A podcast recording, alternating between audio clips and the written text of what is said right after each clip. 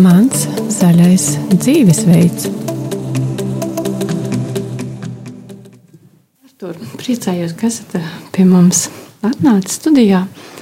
Un gribētu pirmkārt lūgt, um, pastāstiet par sevi, kas ir tās um, metodes, tas, tas veids, kā jūs strādājat ar cilvēkiem, kas pie jums nāk. Es saprotu, visvairāk ar sāpēm, bet arī ar kādām citām problēmām. Labdien, Daiga!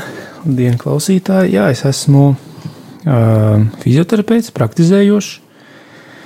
Uh, šajā nozarē strādāju kopš man ir vēl samlot kopš 2007. gada, ja nemaldos. Ir kāds laiks. Ir kāds laiciņš, jā. Mm.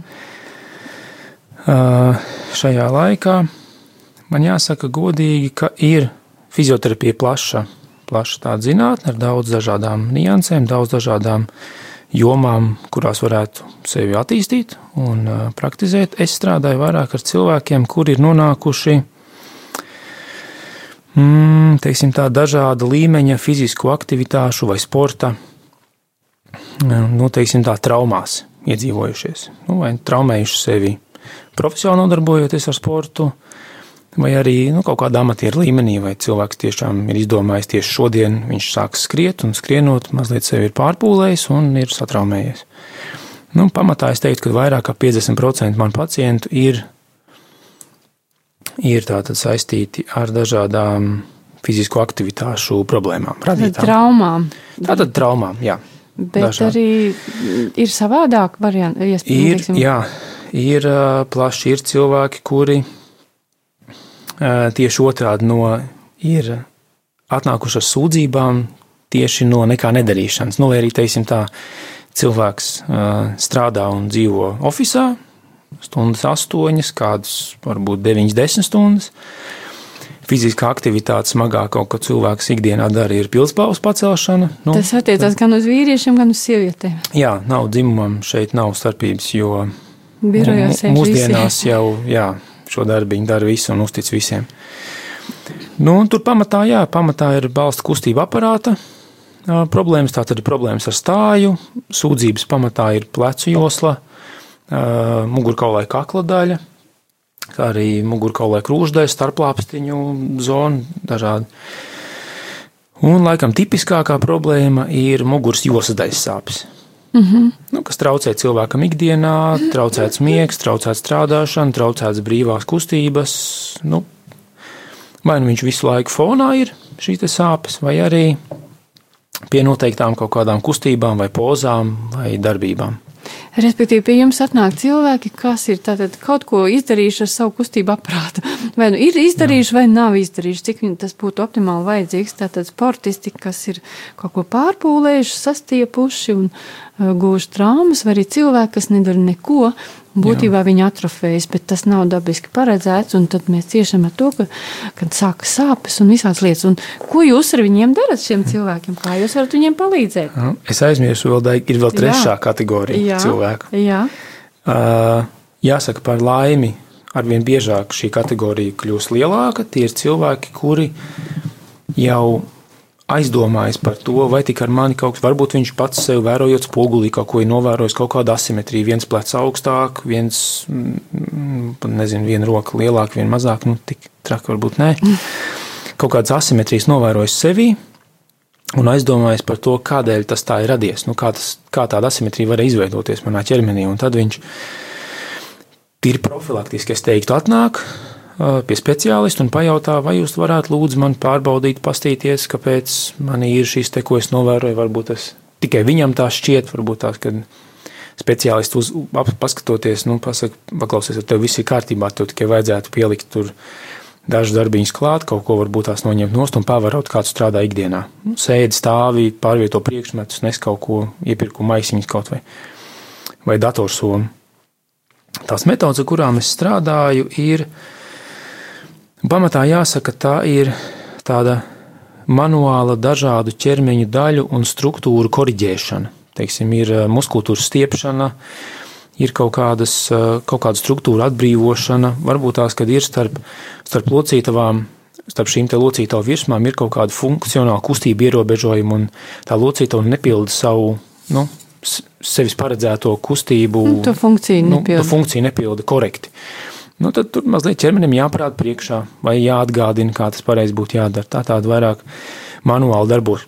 Manuāli darbošanās. Tas nozīmē ar rokām. Jūs kaut jā, ko masējat, kaut ko, ko var vēl. Arī, jā, var arī masēt. Vairāk tā ir tāda nu, tāds, tāds termins, uh, mobilizācija un manipulācijas tehnikas tādas. Proti, ko tas nozīmē? Jā, nu, tas ir, nu, tikko es izstāstīju, tā ir tāda locītavu. Kustināšana. Locītavu, jā, iekustināšana pareizā, pareizā veidā, varbūt tā varētu teikt. Uh -huh. Bet jūs strādājat ar bez zālēm? Ja? Bez, jā, medikamentus nelietoju nekādus. Ja nu vienīgais Eh, ir kaut kāds iekaisuma process, nu, mēs redzam to, ka varbūt tās ir jāveic arī kāds objektīvs, izme, objektīvs uh, izmeklējums, kur rezultātā mēs diagnosticējam, ka tiešām tur ir iekaisuma process apakšā, nu, tad varbūt jā, pretiekaisuma kaut kāds līdzekļus, bet mm -hmm. principā pamatā fizioterapeits klasiskā fizioterapijā strādā bez dažādu medikamentu pielietošanas. Iztiekot bez zālēm. Jā.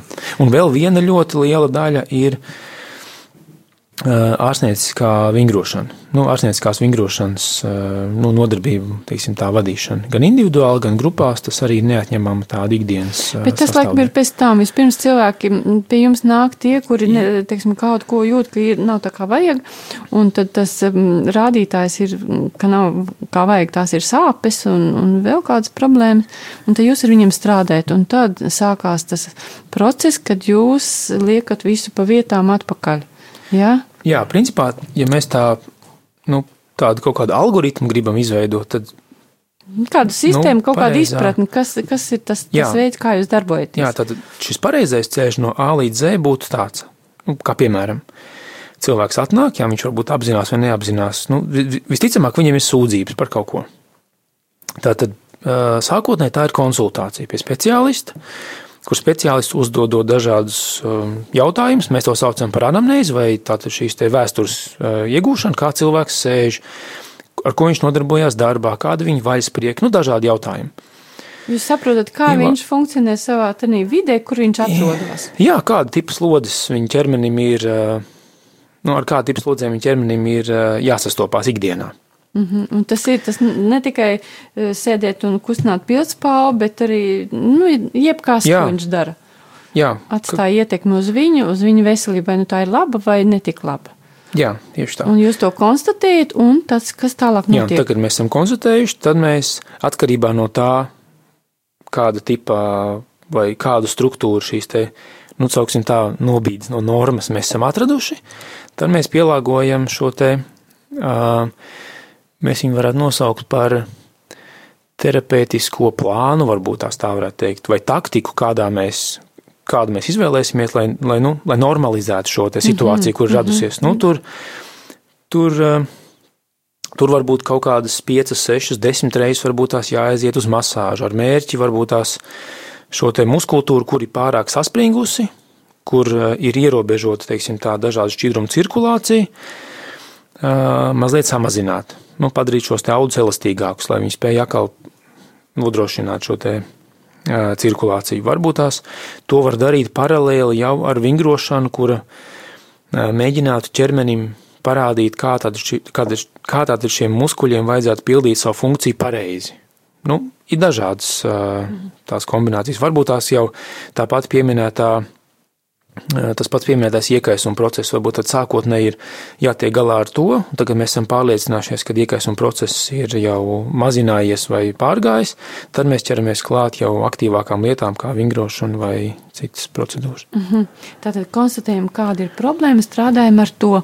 Un mm. sakiet, lūdzu, jūs kā speciālists, nu tad Kā jūs varētu teiksim, atbildēt uz jautājumu, kas visbiežāk rada šīs problēmas? Nu, kurienes tā saknes, tad, ko tas tā jūsu uh, anamnēze, ja pareizi bija teikt, mhm, uh, tā saruna ar pacientu, uh, ko jums atklāja, kur ir tās problēmas saknes tomēr visbiežāk? Mm.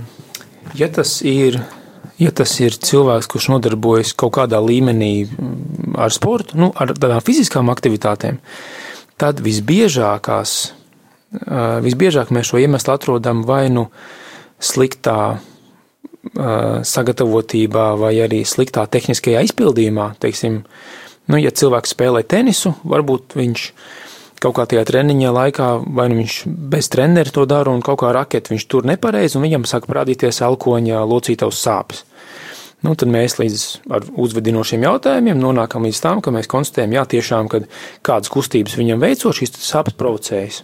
Mm -hmm. Un tad mēs atrodam, jā, ka tiešām tas ir, to ir izraisījis šis sporta veids, un tieši šī te varbūt tās sliktā sagatavotība vai nepareizs tehniskais izpildījums. Vēl viens, vēl viens tāds iemesls varētu būt cilvēkiem tādiem aktīvākiem ir pārslodze. Tieši varbūt Izteiktāk tas ir tiem cilvēkiem, kas darbojas nu, tādā vidē, kur ir sacensību režīms. Agri vai vēl pienāk sacensības, kurās ir jāstartē.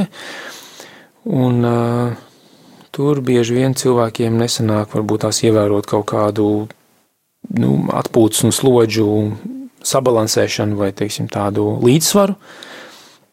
Un tur cilvēks var pārforsēt vai pārslogot sevi un nereti gadās problēmas. Pārcenšas. Pārcenšas, vienkārši pārcenšas, jā. Lai gan tas spilgtāk izteikts ir tādiem amatieru, amatieru sportiem, kur kur varbūt tās nav tik strukturizētas. Jo sportisti, kas darbojas profesionāli, kuri ar sportu pelna sev maizīti, nu, viņiem tomēr ir vesels lokus cilvēku speciālisti blakus, lai viņus nu, korģētu un sekot līdzi, lai līdz šādām mm. lietām nenonāktu. Respektīvi, to nezināšanu, ko liedēt tiem cilvēkiem, Jā. tie speciālisti. Tiem, Jā. kas darbojas pašu savu roku, tur mēģina kaut ko attīstīt, tad Jā. Um, tās viņu kļūdas atsauc uz, uz, trau, uz to, ka dabūt traumas. Jā, nu un cilvēkiem, kas, uh, teiksim tā, ar sportu aktīvi nenodarbojas, varbūt savam priekam kaut ko vienu, divas reizes nedēļā padara. Bet ir arī tādi cilvēki, kā es minēju, kuri savā dzīvē smagākais, ko pats ir pildspalva. Un tāda tipa cilvēkiem parasti šīs problēmas rodās no, mm, nezinu, kā savādāk pateikt, teiksim, kustību ergonomikas kaut kādiem, nu, kustību ergonomikas neievērošanas. Teiksim, ja cilvēks nesēž taisni, bet viņš sēž, teiksim, nezinu, regulāri visu laiku krustojot kājas un visu laiku krusto vienu pār otru. Vai arī, mm, vai arī... ergonomika, tas varētu būt, mm, teiksim, latviska, latviskojot, kad nepareiza stāja, nepareiza veids, kā mēs kaut ko darām, vai... Jā, tā ergonomika mēs varētu tā pavisam vienkārši pateikt, ka tā ir... Um, hmm, hmm, hmm, kā cilvēks, kādā pozā viņš, piemēram, sēž pie rakstām galda, kādā pozā viņš vai ir, teiksim, viņš nāk no veikala cilvēks, viņam ir daudz iepirkuma maisiņu, kā viņš sadala šo slodzi uz abām divām rokām, ja maisiņi ir vairāki. Kā viņš nes, kā viņš stāv, teiksim, ja viņš gaida sabiedrisko transportu, kā viņš stāv pieturā, kā viņš sadala svaru uz abām kājām, uz vienas kājas, un viss šie mm -hmm. viss šīs lietas krājās, krājās, krājās, un beigās, nu, ja mēs tā pavisam vienkārši gribam pateikt, tad ķermenim pacietības kauss nav, nav neierobežots, un kāds piliens būs pēdējais, un tad viņš, mēs tiksimies. Viņš saka, viņš saka pietiek, jā. jā viņš saka. Respektīvi, cilvēki neprot ar to savu ķermeni rīkoties, nu, tādā optimālā veidā, tā kā daba to ir paredzējusi, un tad tas rada problēmas. Jā. Un tad jūs ar to strādājat, un tad nonākat pie šī te, mm, terapeitiskā plāna, un uh, tas ir tas ceļš, kā jūs varat tikt ar to problēmu galā. Jā. Protams, ka uh, tur tam cilvēkam pēc tam ir jāiemāca tātad šo te ir jāievieš neliela korekcija tajā ķermenī, un viņiem ir jāiemācās, kā tad pareizi sēdēt pie tā datora, kā tad pareizi nest tos priekšmetus, kā pareizi varbūt celt bērniņu vai no grīdas vai no gultiņas ārā. Nu, dažādas tādas šīs, tās ir pilnīgi ikdienišķas tādas lietas, kur, pa kurām cilvēks vienkārši neaizdomājas, un pienāk viens brīdis, un pēc reizes kādas, nezinu, 50. vai 30. vai varbūt kādam desmitās, Viņš sāk sajust diskomfortu, bet nesaprot, kāpēc tas tā ir radies. Jo viņš it kā priekš sevis, viņš, viņam pašam liekas, ka viņš dara visu pareizi. Bet tā, kad viņš atnāk pie fizioterapeita kabinetā, un es viņam palūdzu, parādiet, kā jūs to bērniņu ceļiet, un viņš ceļ, un es saķeru galvu un saku, ārprāts, kā jūs tā varat bērniņu celt. Mm -hmm. Tātad jūs esat arī skolotāji. Jā, izglītošana ir viens no fizioterapijas tādiem nu, svarīgiem stūrakmeņiem. Mm -hmm. Tas nozīmē, ka jūs ne tikai tā, kā jūs teicāt, ka jūs tur masējat un izkustināt to locītu, varbūt vai nu, to, kas ir nepareizi. Jūs iemācāt cilvēkam kustēties pareizi, tad viņam ir jāapzinās, kas ir pareizi, kas ir nepareizi, jāmācās uzņemties atbildību par to savu, teiksim, to situāciju un par savu pašsajūtu un, un rūpēm, lai es justos labāk.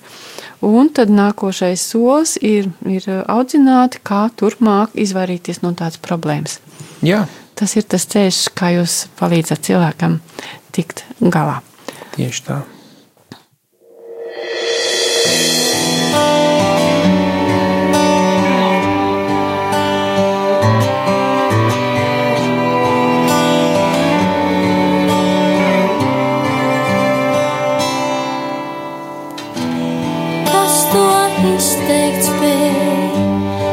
Ir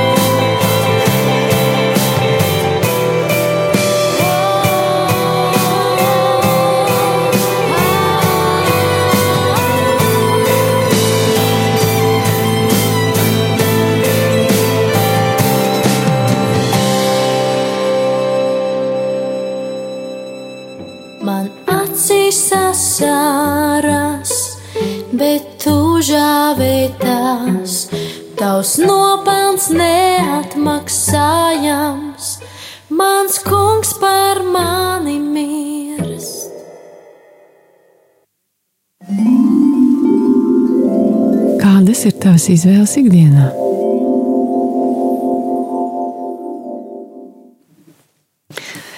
Pašlaik atkal atgriežamies ētrā. Atgādināšu, pie mums šodien viesojas fizioterapeits Artūrs Ivaškāns, un viņš stāsta par savu darbu ar cilvēkiem, kuri piemeklējuši kādas sāpes, dažādu iemeslu dēļ. Un tad, nu, teiksim, šajā te komunikācijas procesā ar tiem cilvēkiem, kas pie viņiem viņa atnāk, un arī pie citiem speciālistiem Baltijas fizioterapijas centrā. Pareizi pateicu? Ja, tātad arī pie citiem speciālistiem eh, komunikācijas gaitā mēs abas puses saprot, kas ir jālabo un kas ir tas iemesls, kāpēc jālabo. Un mēs nonākam pie tās eh, atziņas, ka, ka ļoti lielā mērā mēs esam atbildīgi par to, kādas izvēles mēs veicam ikdienā, vai mēs apzināmies, ka tas ir mums par labu vai ne par labu. Nu, lūk, un atgādināšu vienīgi to, ka mums var arī mm, sūtīt īsiņas pa telefonu 266, 77, 272, var zvanīt pa telefonu 67, 969, 131 vai sūtīt e-pastus, un adrese ir studija at rml.lv. Tāpat mums arī ir ziedojuma tārunis, un tas ir 90067 69. Ar jums kopā esmu arī es rēdījuma vadītāja Daiga Lakotko. Bet eh, šajā brīdī atkal pievēršos Artūram, un mēs runājam par to, kā fizioterapeitam nākas nekai, ne tikai strādāt ar rokām, teic, teiksim, veicot kādu, kādas manipulācijas, masāžu vai kādas citas, bet viņam ir arī jāaudzina savs pacients. Nu, lūk, un šādā veidā darbojoties, Artūrs ir arī mm, sagatavojis vai uzrakstījis pat grāmatu, kas tā saucās Vingrinājumi muguras veselībai. Kas ir tas, ko jūs šajā grāmatā esat vēlējies pateikt, Artur? Uh, jāsaka uzreiz, ka diemžēl medicīnai mm, pamatā klasiska medicīna cīnās ar sekām. Un šī grāmata ir uzrakstīta, lai cilvēks līdz šīm sekām nenonāktu. Tātad profilaktiskie darbi, kurus cilvēks var veikt, eh, lai iespējami izvairītos no, no sāpēm. Šajā, šajā gadījumā grāmata ir, nu, tas mērķis ir muguras jostas daļa. Tātad eh, profilaktiskie pasākumi, kurus var dažādos līmeņos uh, veikt patstāvīgi, lai iespējami izvairītos no sāpēm muguras jostu daļā. Un tā būtība jūs man stāstījāt, ka esot tāda, ka mm, ja es vienīgi varu kļūdīties, atstāstot, ka mm, liekas, ka vēdera muskulatūra ir tā, kas palīdz visu atkal saregulēt kārtībā. Bet kā ir pareizi ar to? Ja es nepareizi atstāstu, tad kā ir pareizi, kā ir korekti? Mhm. Uh, daļai taisnība jums ir pareizi, jūs šo ideju uzķērāt, bet uh, ir jāapzinās man pašam tas vārds. Es nezinu, kāpēc man viņš nepatīk, bet ir tā saucamā vēdera korsete. Es gan neuztveru viņu kā korseti, bet nu, klasiski laikam tas tā skaitās. Tā ir muskulatūra, kas ir apkārt visam viduklim. -hmm. uh, ir, bet tur arī ir jāapzinās, ka šī muskulatūra ir, ja mēs stādamies priekšā tādu kārtaino torti vai kūku, tad arī šī muskulatūra ir tādās tā kā kārtās. Ir dziļāka muskulatūra, kas ir tuvāk mugurkaulājam, tuvāk ķermeņa centram, un tad tā kā tādām kārtām šī muskulatūra nu, veido tādus slāņus, tā kā, nu, tā kā sīpoliņš vai kāposti. Un, un tad, ja visa šī muskulatūra visās, visās tajās kārtās pilda savu funkciju, tad ar vislielāko varbūtību cilvēkam Tātad cilvēks nenonāks līdz šīm sāpēm. Jā, viņu, nu, jā, mēs tā varētu teikt, arī viss būs kārtībā. Protams, kad uh, vienmēr pastāv kaut kāds nelaimes gadījumu risks vai traumu risks, nu, tas ir cits, cits jautājums. Tas kāds. ir ārpus kārtības. Tas ir ārpus, jā, bet ja cilvēks, teiksim, uh, nu, piedomā pie tā, kā viņš pārvieto priekšmetus, kā viņš ikdienā sēž pie šīm dažādām pozām.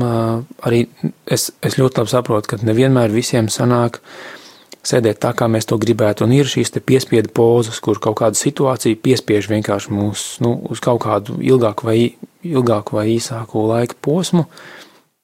Atrasties kaut kādā piespiedu pozā, tur varbūt mazliet nolikties uz sāniem. Kāpēc? Tāpēc, kad Varbūt uh, blakus sēdēja bērniņš, viņš ēd, un kaut kas tur viņam karotīt krīt, un viņš, lai neizkrist ārā no nu, šīs bērnu krēsliņa, tur kāds no vecākiem ir spiests pieliekties, bet nu, ilgstoši šādu pozīciju viņš nenoturēs, un pats viņš piecelt viņu nevar, jāpasauc kāds palīgā. Nu, tas kā tikai tās piemērs varbūt. Mm -hmm.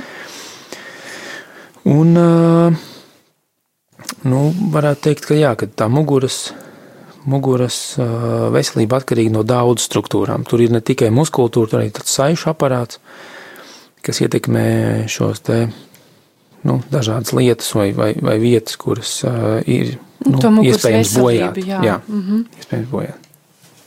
Respektīvi, tad, ja šīs saites, muskulatūra, viss darboja, ir darbināts tiek tā kā vajadzētu, tā kā daba to paredzējusi, tad ir viss kārtībā. Bet, ja ir kādas nobīdes, tad tas jau rada sekas. Un šīs grāmatas būtība tad ir um, strādāt ar tām sekām, Bet jūs man arī izstāstījāt ļoti interesantu tādu vingrinājumu. Kā tad, kā tad tiksim, varbūt vienu piemēru varat minēt no šīs grāmatas, nu tādu ļoti pēc iespējas vienkāršāku. Ko var darīt, lai, tā, lai nu, tā mana mugura justos labi? Ja es tiešām aizmirstu, nu, teiksim, sēžu čību muguru vai ikdienā vai pie datora, neatējot daudzas stundas, tad nu, kā man vingrināt to muguru? Visiem tiem vingrinājumiem kas ir nu, ar mērķi saglabāt šo muguras jostais veselību, visu laiku ir jāpiedomā pie tā, lai vēdera muskultūra ir sasprindzināta. Vienalga, vai tas notiek nesot kādu priekšmetu, vai, vai, vai ceļot, vai pārvietojot, vai arī noliecoties uz priekšu, sašņorēt kurpes, vai nu, tādas ikdienišķas lietas arī. Viens no tādiem vienkāršākiem vingrinājumiem varētu būt cilvēkam nostāties tā kā četrāps pozīcijā, arī. Rāpus, tā kā, jā? Tā kā četrāps, jā, tā kā, nezinu, kā sunīts. Kā. Mhm. Jā. jā, un uh, apzināti sasprindzināt tātad šo te vēdera muskultūru un uh, vienlaicīgi iztaisnot, nu, pieņemsim, labo kāju un uh, kreiso roku. Un pacelt un piecelt šo taisno roku, taisno kāju apmēram, lai viņi būtu vienā līmenī ar uh, muguru. Mm. Vienā līnijā. Un pēc tam arī lēnām nolaist lejā. Ja līdzsvars to atļauj, tad var taisīt pamīšu. Vienu diagonāli pacelt, nolaist lejā, un otru diagonāli attiecīgi labā roka kreisā kāja, kreisā roka labā kāja. Mm -hmm. Tas, tas īstenībā es zinu šo vingrinājumu, nav nemaz tik viegli viņu izpildīt. Un, un tad jūs iesakāt, teiksim, tas varētu būt viens tāds veids, kā trenēt to savu muskulatūru, un, nu, lai, lai tā pašsajūta nu, tā kā normalizētos. Nu, arī šeit ir jāsaka, ka tas, pie kā mēs jau pieskārāmies iepriekš, ka tā muskultūra ir viņa veido tādu kā uh, muskuļu jostas vai šīs te korsetes tādu jā, kopumu, josta, jā. Jā, mm -hmm. tādu kopumu, kas cenšas noturēt šo te uh, balansu vai stabilitāti šajā te uh, ķermeņa zonā. Un tad es nevarētu izdalīt, es arī neticu, ka kāds var izdalīt atsevišķu vienu vingrinājumu, kurš izglābs pasauli, bet, uh, teiksim, klasiski, ja tad cilvēks ar šādu tipu sāpēm nonāk līdz fizioterapeitam, tad vingrinājumi ir kādi 11, 11, 20. Nu, varbūt pat mazliet vairāk. Tur ir gan muskultūras stiepšanas vingrinājumi, gan tātad šie muskultūras uh, spēku palielinošie vingrinājumi. Tā tāda kombinācija sanāk no vingrinājumu kopas, drīzāk tā jāsaka. Mm -hmm. Un tā labā ziņa tad ir, ja nu gadījumā ir tā, ka nu, es neesmu pratusi kaut ko, un man ir radušās tās muguras sāpes, vai kāju sāpes, vai kāda cita sāpes, tad uh, es varu uh, to atrisināt uh, tādā veidā, ka pirmkārt atrodu speciālistu, kas prot man parādīt, kā ir pareizi darīt, un pēc tam arī iemācīties dzīvot savādāk.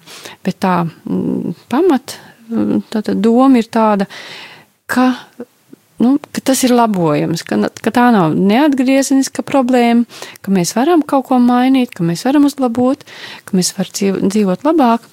Un eh, pēc muzikālās pauzes, starp citu, tiksimies ar vienu no Artūra pacientiem, kurš eh, strādājas diezgan ilgi tādā veidā pie savas, nu, teiksim, sāpošās muguras un atgūs visnotaļ labu veselību. Tātad šobrīd muzikālā pauze. Duszo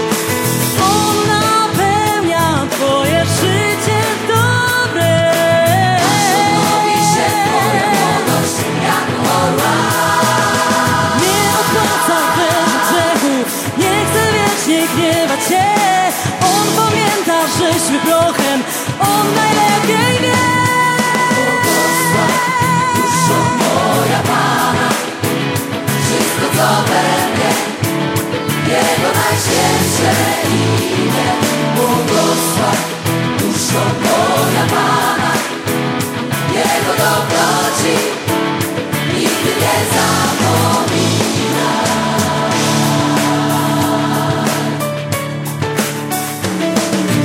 Tak jak ojciec nad swoimi dziećmi. Pan się nad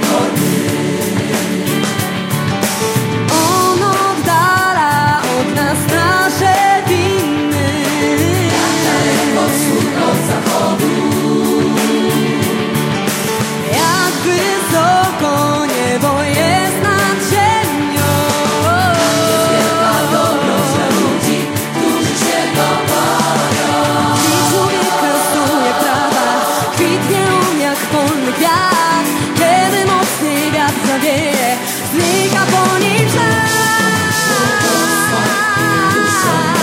Pana, wszystko co będzie, Wszystko co mnie. Jego najświętsze.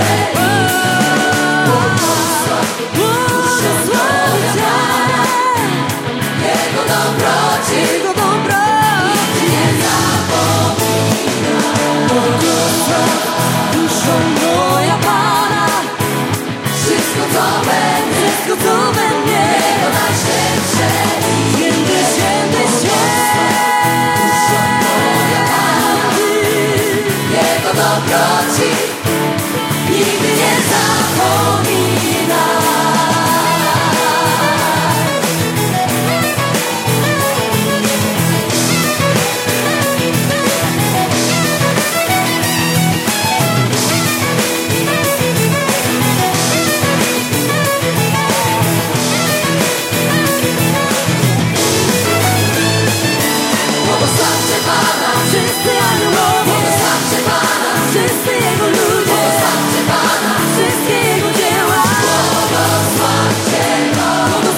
Pana. Wszyscy aniołowie, Błogosławcie Pana. Wszyscy Jego ludzie, Błogosławcie Pana. Wszystkie Jego dzieła.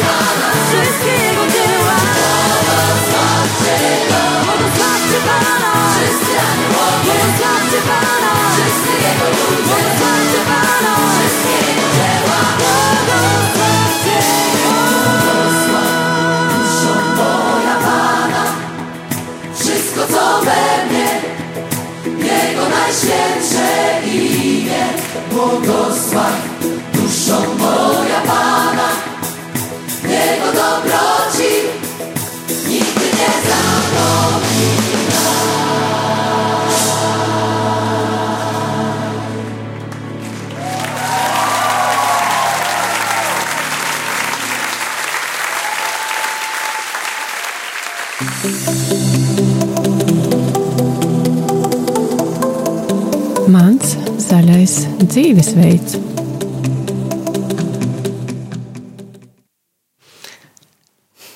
Esam atkal studijā. Atgādinu, ar jums kopā raidījums Mans zaļais dzīvesveids. Studijā viesojas fizioterapeits uh, Artūrs Ivuškāns. Ar jums kopā esmu es, raidījuma vadītāja Daiga Lakotko.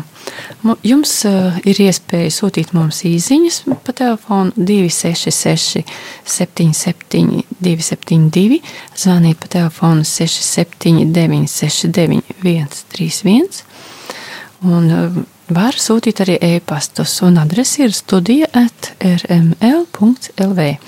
Bet mums ir piezvanījis arī Artūra uh, Ivaškāna pacients, starp citu ārsts, kurš diezgan ilgi ir uh, veicis tādus vingrinājumus, par kuriem mēs runājām iepriekšējā mm, sarunas daļā.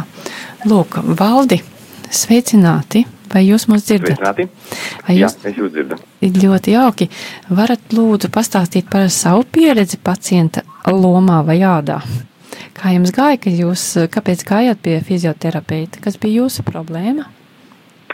Uh, jā, man problēma asis, uh, izteiktas muguras sāpes, kas, uh, teiksim, kādu laiku atpakaļ vienu, divas reizes gadā uh, tautā saucamā krika. Uh, bet viņi man parasti ilga apmēram dienu. Uh, bet, diemžēl, pēdējā laikā, līdz es nokļuvu līdz fizioterapijai, jā, tas jau pārgāja apmēram trīs dienas. Es īsti nebiju uh, spējīgs uh, kustēties un darboties. Un pateicoties neirologam, kas man ieteica, es nokļuvu Baltijas fizioterapijā. Es saprotu, ka jūsu neirologs, neirologs bija gudrs speciālists, jo viņš jums ieteica ne tik daudz zāles lietot, bet meklēt risinājumus nu, savādāks šai problēmai ar muguru.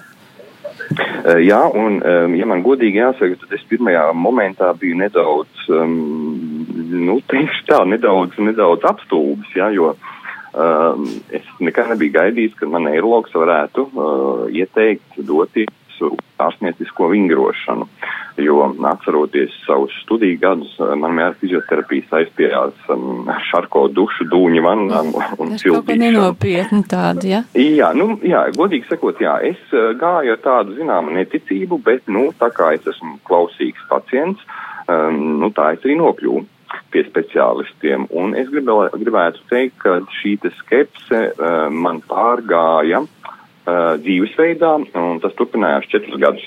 Mm -hmm. Un kā notika šī pārmaiņa no skepses uz uh, tādu nu, citu attieksmi pret lietām? Eh, pirmkārt, es noteikti gribētu teikt, ka es sajūtu cilvēku uh, ieinteresētību, kas nodarbojās ar to. Ja? Viņi tiešām uh, ar ļoti lielu entuziasmu un uh, arī um, izskaidrojot, kas tiks darīts un kāpēc tas tiks darīts, tomēr uh, stipri izmainīja manu uh, attieksmi pret uh, notiekošo. Tas nozīmē, ka jūs ne tikai fiziski kaut ko darījāt, bet jums arī tā sapratne veidojās. Jūs tikāt audzināts, izglītots tai virzienā, ka nu, kaut kas ir bijis nepareizi pie jūsu attieksmes. Un kas tā bija jā, tā nepareizā? Jā.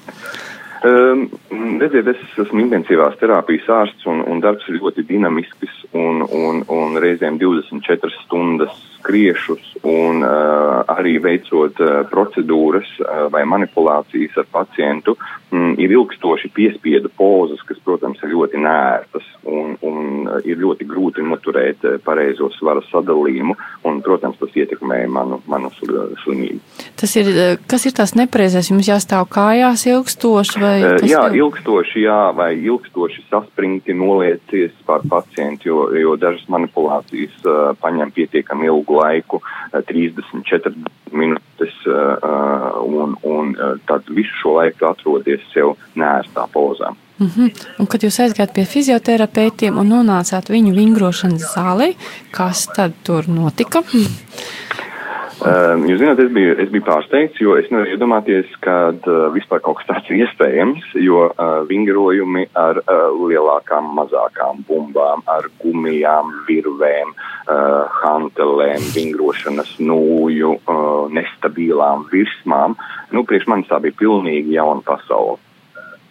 Bet jūs apzinīgi sākumā tad, tad, turpinājāt, nu, izpildījāt tās komandas, jā, bet vēlāk tur radās arī sapratne. Uh, arī sapratne, un, un tas, bija, tas bija dzīvesveids, jo, uh, lai panāktu rezultātu, tomēr uh, ir jā, jānodarbojas uh, divas, nu, droši vien, kad ideāli būtu trīs reizes nedēļā, ja, bet, nu, nevienmēr ne, tas ir, to var, var tīri uh, laika ziņā atļauties. Uh, bet uh, regulāri ejot divas reizes nedēļā un, un, un, un vingrojot un darbojoties, uh, tu vienkārši sajūti pēc kādiem ja man godīgi jāsaka, pēc trim, četriem mēnešiem, kad kaut kas tevī sāk mainīties, ja, tu kļūsti fiziski stiprāks, uh, jo uh, tiek attīstītas tādas muskuļu grupas, ko ikdienā es, uh, es pat nebiju lietojis, man liekas. Ja. Un, un, un tas, jā, tas pāriet kā dzīvesveids, un, un, un tas ir lieliski.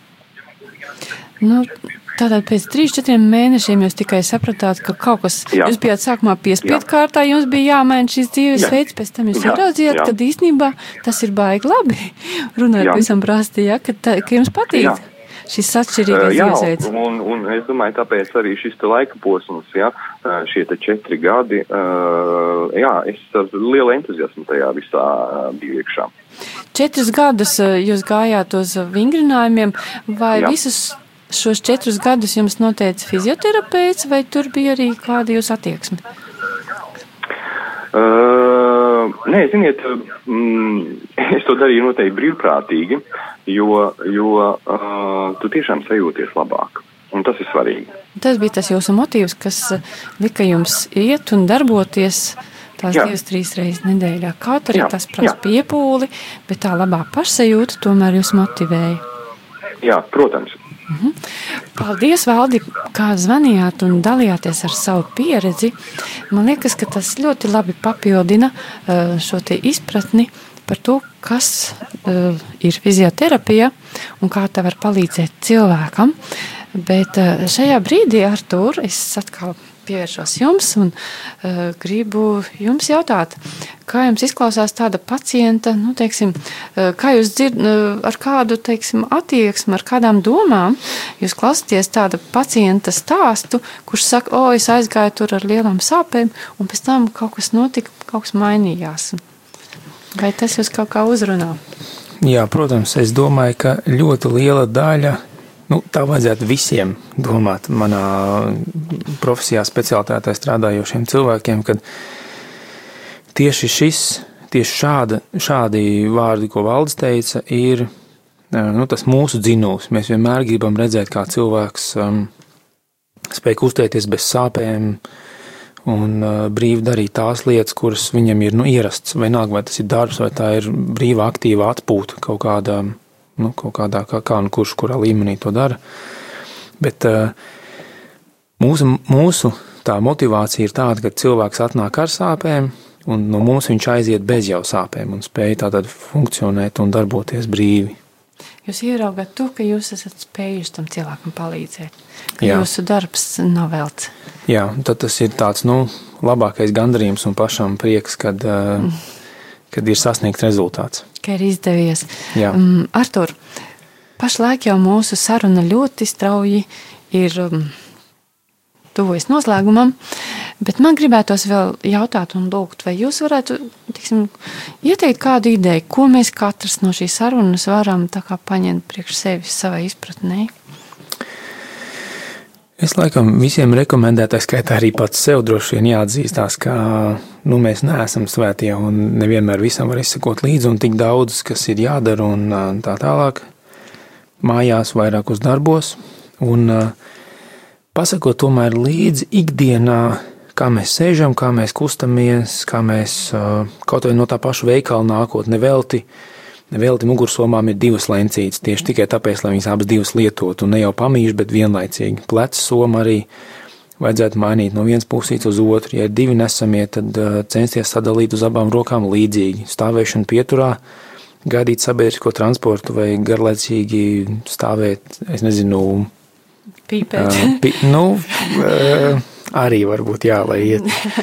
ne, no, tas droši vien nav tas Jā, labākais tad, piemērs. jā, tad censties to svaru salīdz abām kājām līdzīgi, lai nav tā, ka vienai kājai pārstot. Tā kā līdz ar to tas iegurnis sāk mazliet tur, nu, teiksim tā, iziet no normas vai asimetrisks palikt ar, ar laiku. Bet, nu, pasakot līdzi, un tikko rodās kaut kādas, nu, diskomforts vai sāpes, ja tas nepāriet dienas laikā, tad varbūt labākā ideja būtu vērsties pie speciālistu un meklēt šo iemeslu, kāpēc tas tā ir noticis.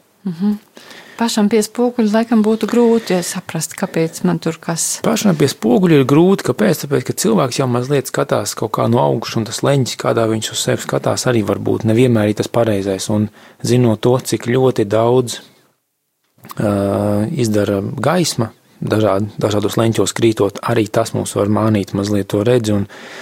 Tomēr tas speciālists tikai zinās, kuri kuri ir šie ķermenī, tie nu, saucamie anatomiskie punkti, kur mēs varam kaut kādu simetriju saskatīt, kur, kur ir tie pirkstiņi jāpieliek, lai redzētu, ir viņi pretī viens otram vai nav, vai ir augstāk viena pusīte vai nav. Nu, pašam sev, īpaši no mugurpuses, to nevar izdarīt. Tas ir neiespējami. Nu, lūk, tātad tas jūsu ieteikums ir uzmanīgi sekot līdzi, kā mēs darbojamies, ko mēs darām, kā mē, nu, kas ir tas veids, kā mēs ko darām, tad, tad vērst šo skatienu pa laikam uz sevi un pārliecināties, vai ar manu veselību viss ir kārtībā. Un, ja nav, tad meklēt nu, cilvēks, kas var dot pareizos īstos risinājumus, īstās atbildes uz mūsu jautājumiem. Bet šajā brīdī mūsu saruna arī beidzas. Es teikšu sirsnīgi paldies Artūram, Paldies. ka nācāt pie mums runāt un stāstīt par savu pieredzi. Ar jums kopā biju arī es, raidījuma vadītāja Daiga Lakotko. Paldies, ka klausījāties uz tikšanos nākamajā reizē.